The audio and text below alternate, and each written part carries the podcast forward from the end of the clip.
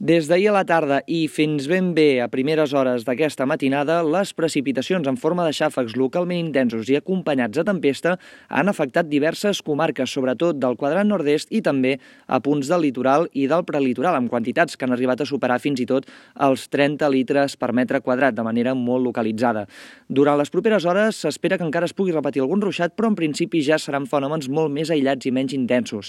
Així doncs, s'espera una jornada de dimecres en conjunt dominada per per l'ambient assolellat, tot i algunes restes de núvols. Ara bé, durant el migdia i la tarda creixeran nuvolades, sobretot a punts de, del nord, del nord-est i també del litoral i del prelitoral, i fins i tot pot arribar a caure algun ruixat feble i aïllat a punts bàsicament del litoral, del prelitoral i del quadrant nord-est. Això sí, fenòmens molt puntuals.